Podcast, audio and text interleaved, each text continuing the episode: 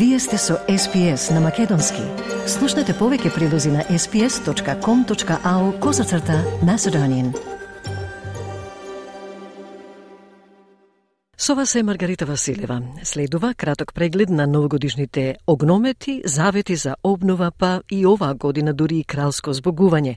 Почетокот на 2024 година е означен ширум светот, за кое известува Бива Кван за SBS News на програмата на SBS Audio на македонски. SBS. SBS. SBS. SBS. SBS. SBS Radio.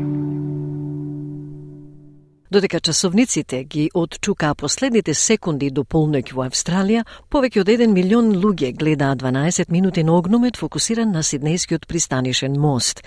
Кришана Прија Вандарувенката отпатува од Мелбурн за да го види спектаклот за прв пат од брегот на пристаништето во Сиднеј. For me, particularly and personally, it's just be kind to everyone, be considerate, and you be kind to others, and people will be kind to you. That's it. Бренизе Шабет, родена во Кенија, е во Сиднеј веќе пет години, но вели дека прв пат го гледа огнометот во живо. I started to just change it up, start a new year, looking different, everything different, and why not?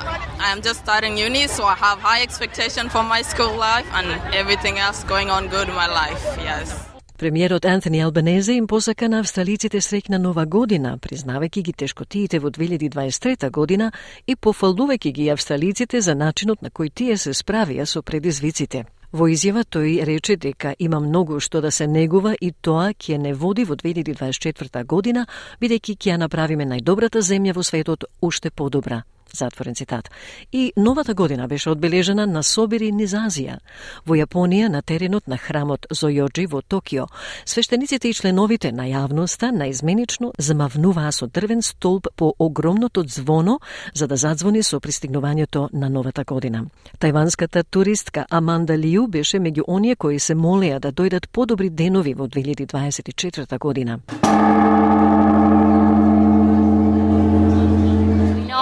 here I've learned some pray in the temple. The event is really peaceful. And that's why we come. I pray the first one is my family all healthy and happiness, and second is my business uh, successful, and third is my relationship is uh, love love.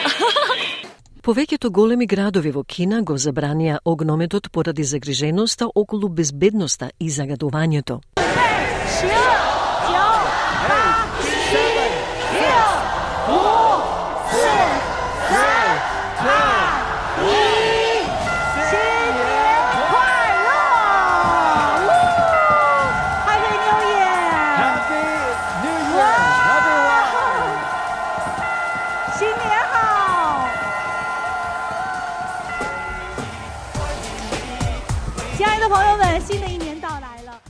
Но одбројувањето сепак беше одбележано со песна и танц во паркот Capital Steel Park во Пекинг. За време на неговото новогодишно обраќање, кинескиот председател Си Жинпинг рече дека земјата ќе ја искористи 2024 година за да изгради моментум за економско закрепнување, истовремено потврдувајќи го решителниот став на Кина за повторно обединување со Тајван. Председателот истакна дека ќе го консолидира и подобри позитивниот тренд на економско закрепнување и дека ќе постигне стабилен и долгоручен економски развој. Тој додаде дека мора се опфатно да се продлабочат реформите и да се зајакне економската вителност. We will consolidate and enhance the positive trend of economic recovery and achieve stable and long term economic development. We must comprehensively deepen reform and enhance economic vitality. Данската кралица Маргарете II го искористи својот годишен говор на новогодишната ноќ за да објави изненадувачка абдикација. The surgery naturally also prompted thoughts about the future, whether it was time to pass on the responsibility to the next generation. I have decided that now is the right time. Кралицата објасни дека незината неодамнешна операција природно поттикна размислувања за еднината, дали е време да се пренесе одговорноста на следната генерација. По 52 години во улогата, таа формално ќе се повлече на 14 јануари, предавајќи му го тронот на синот престонаследник Фредерик. 83 годишната е актуелниот монарх со најдолг стаж во Европа и единствената владеачка кралица во светот. За време на неговата неделна молитва во Ватикан, папата Францис рече дека продолжил да се моли за мир, опишувајќи ја 2023 година како година одбележена со војна. Папата изјави, цитат, да продолжиме да се молиме за народите кои страдаат од војни, украинскиот народ, палестинскиот и израелскиот народ, суданскиот народ и многу други, колку ли животи се одземени со вооружени судири, колку смртни случаи, колку уништувања, кој е вклучен во овие конфликти. Слушајте го гласот на вашата совест и да не заборавиме на мачениците Рохинджа, изјави папата Франсис. Let us continue to pray for the people suffering from wars, the Ukrainian people, the Palestinian and Israeli peoples, the Sudanese people and many others. At the end of a year, do you dare to ask how many lives have been taken by armed conflict? How much destruction? Who is involved in these conflicts? Listen to the voice of your conscience. Во Пакистан со мнозинско муслиманско население владата ги забрани сите новогодишни прослави во знак на солидарност со палестинците. Обединетите нации проценуваат дека речиси 2 милиони палестинци во Газа, околу 85% од мирнодопското население, се раселени од почетокот на израелската офанзива во октомври по нападот на Хамас. Меѓу раселените е и Камал Алзейнати. Новата година ја поминува во импровизиран бегалски камп во Газа. Тој вели дека неговата желба е да може да се врати дома по 12 неделната брутална војна меѓу Хамас и Израел. Тој вели не чувствува дека има нова година поради интензитетот на болката со која живее и дека сите денови се исти. Прославите не се прослави, вели тој. We do not feel that there is a new year because of the intensity of the pain we live in. All days are the same. Our celebrations are not celebrations. When can we celebrate? When we check on our children, who we left behind in the north and check on the rest of our family in the north, then it will be a celebration. Sharon Colderson вели дека како роднина на заложник на Хамас, таа не може да го смета новогодишниот период како радосен период. Не може да биде срекна затоа што нејзини блиски роднини се некаде под земја во појасот Газа. Well, this is the new year Eve. And everyone's supposed to be happy, but we are not happy. We cannot be happy because our beloved somewhere under the ground at the Gaza Strip. And we want them home today, tonight, with us. So we are here next to the cabinet meeting, trying to remember that they are there and we are here and we want to be together tonight. Украинскиот председател Володимир Зеленски во своето новогодишно обраќање вети дека ќе предизвика, цитат, гнев против руските сили во 2024 година, повикувајќи ги западните сојузници да ја задржат својата поддршка додека војната се приближува кон втората годишнина на 24 февруари.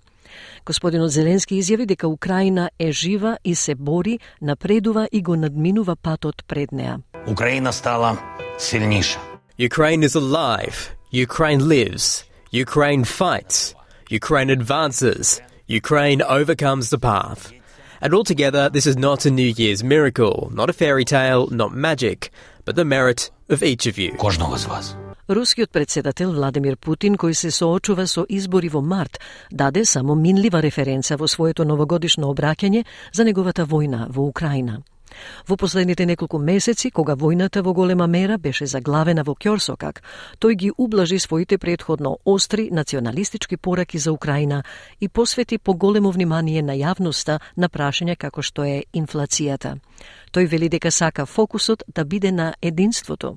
Путин изјави, цитат, Ние сме обединети во нашите мисли, во работата и во битката, во работните денови и на празниците, покажувајќи ги најважните карактеристики на народот на Русија, солидарност, милост и стреност. Мы едины в наших помыслах. We are united in our thoughts, in work and in battle, on weekdays and on holidays, showing the most important features of the people of Russia solidarity, mercy, perseverance.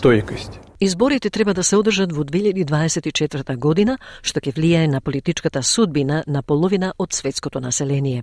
Гласањето е предвидено на места, вклучувајќи ги Соединетите Американски држави, Велика Британија, Европската Унија, Индија, Тајван, Јужна Африка и Венецуела. Во својата новогодишна порака, францускиот председател Емануел Макрон вели дека изборите за Европскиот парламент во 2024 година во јуни ќе бидат клучни за еднината на Украина и за судбината на демократијата низ Европа. Тој рече, цитат, 2024 година исто така ќе биде година на одлучувачки избори. Ке треба да избереме посилна, посуверена Европа во светлината на наследството на Жак Делор.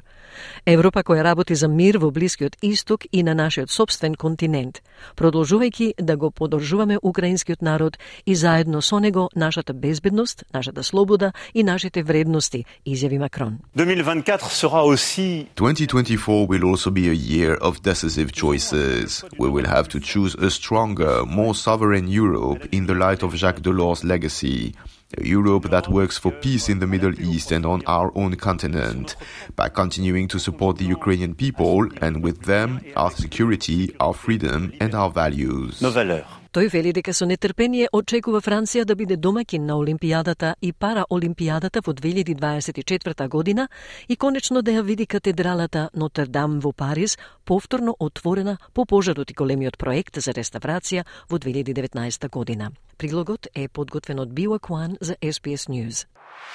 SBS на Македонски. Споделете ги нашите приказни на Facebook. Кликнете, ми се допаѓа, споделете, коментирајте. Следете ја SPS на Македонски на Facebook.